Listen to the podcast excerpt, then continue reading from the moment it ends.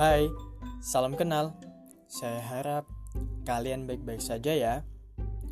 By the way, berbicara tentang masa muda, pasti yang ada di benak kalian itu tentang mencari jati diri, menemukan kawan, merasakan jatuh cinta, dan bahkan merasakan pahitnya kehidupan.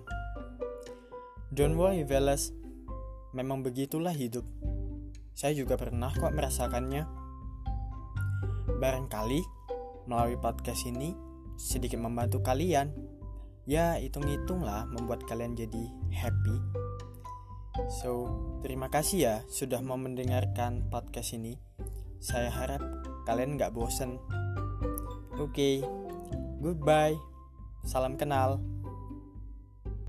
thank you